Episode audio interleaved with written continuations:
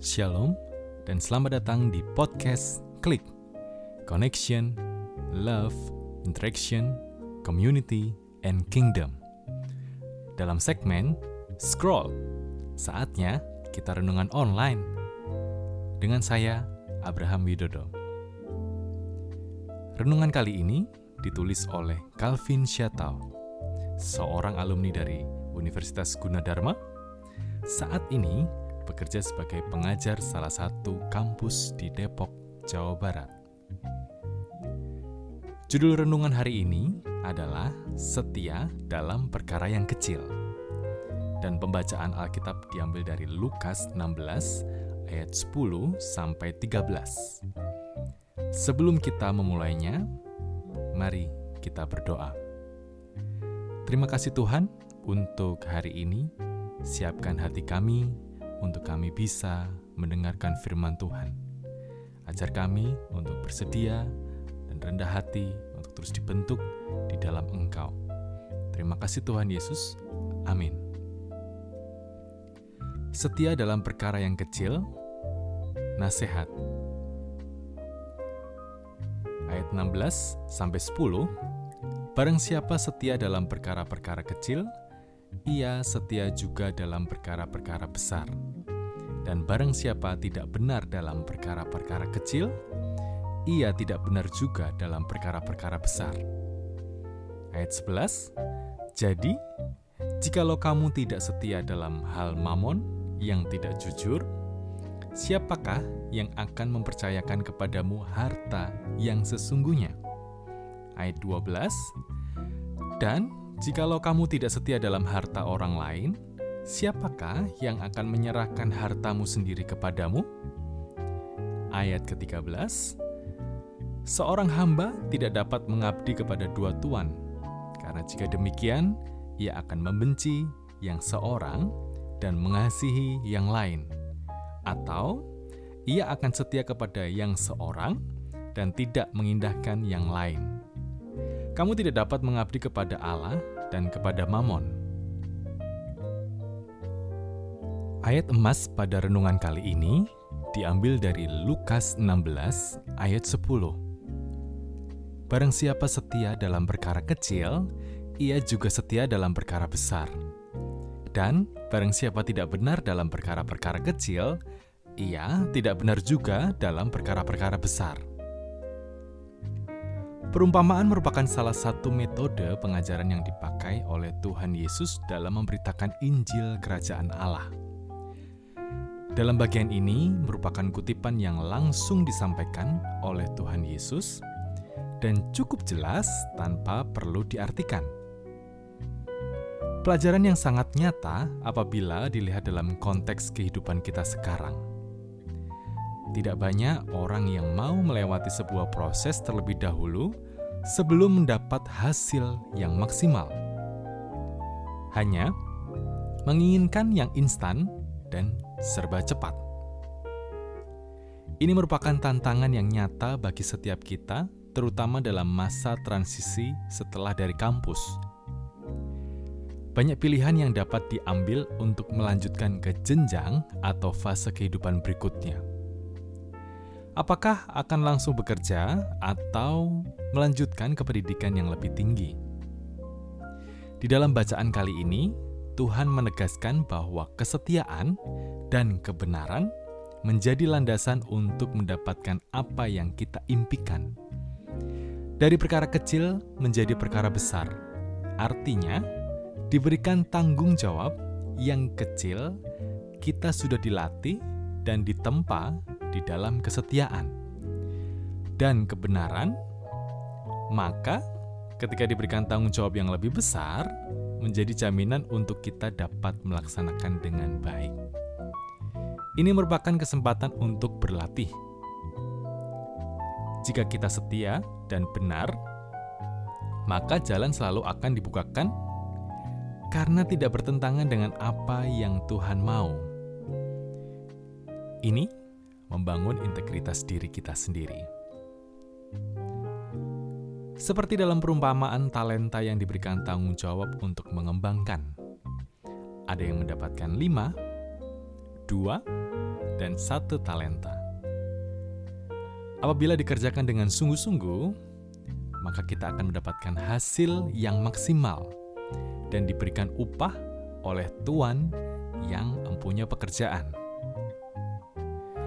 Melanjutkan ke ayat 11 sampai 13, tidak ada orang yang dapat mengabdi kepada dua tuan. Tuhan atau kepada Mamon. Kita harus memilih. Jika setia kepada yang satu, maka dia tidak akan setia kepada yang lain. Di mana hartamu berada, di situ hatimu berada. Lukas 12. Jika kita mengutamakan uang atau mamon, maka kita tidak akan bisa setia kepada Tuhan. Keinginan daging, keinginan mata, dan keangkuhan hidup bukan berasal dari Bapa, melainkan dari dunia. 1 Yohanes 2 ayat 15 sampai 17. Berbicara mengenai uang dan penggunaannya merupakan tantangan tersendiri.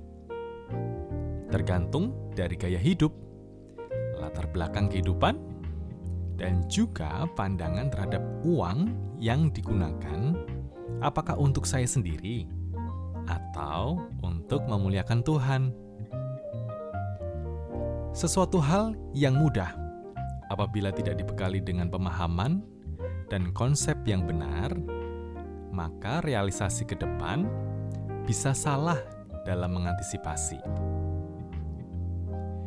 Dari pengalaman pribadi, memasuki masa transisi, hal yang terlintas pertama kali adalah bagaimana saya mendapat pekerjaan dan bisa survive dengan penghasilan sendiri yang selama kuliah disupport oleh orang tua.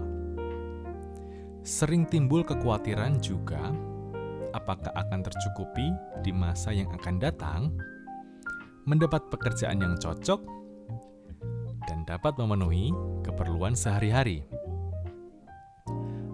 Ada yang langsung mendapatkan pekerjaan, ada yang harus menunggu beberapa selang waktu. Waktu itu, saya berada dalam masa tunggu sekitar enam bulan. Bersyukur Allah menjawab tepat dan sesuai dengan doa.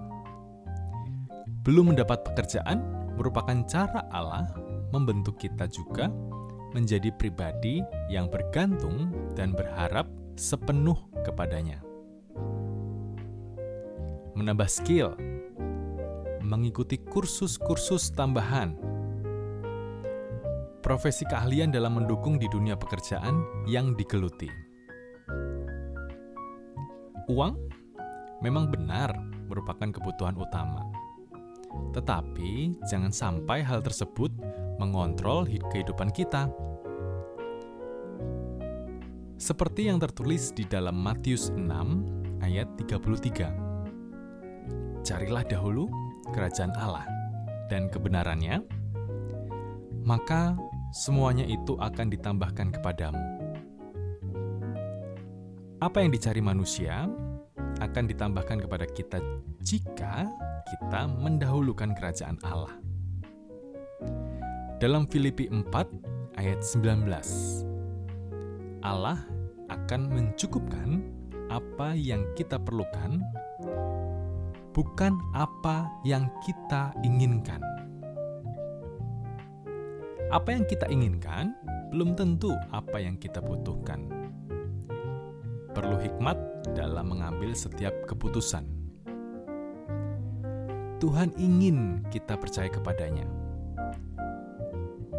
Buatlah keputusan hari ini untuk tidak mengkhawatirkan hari esok Percayai Dia untuk menyediakan kebutuhan kita setiap hari, setiap hari.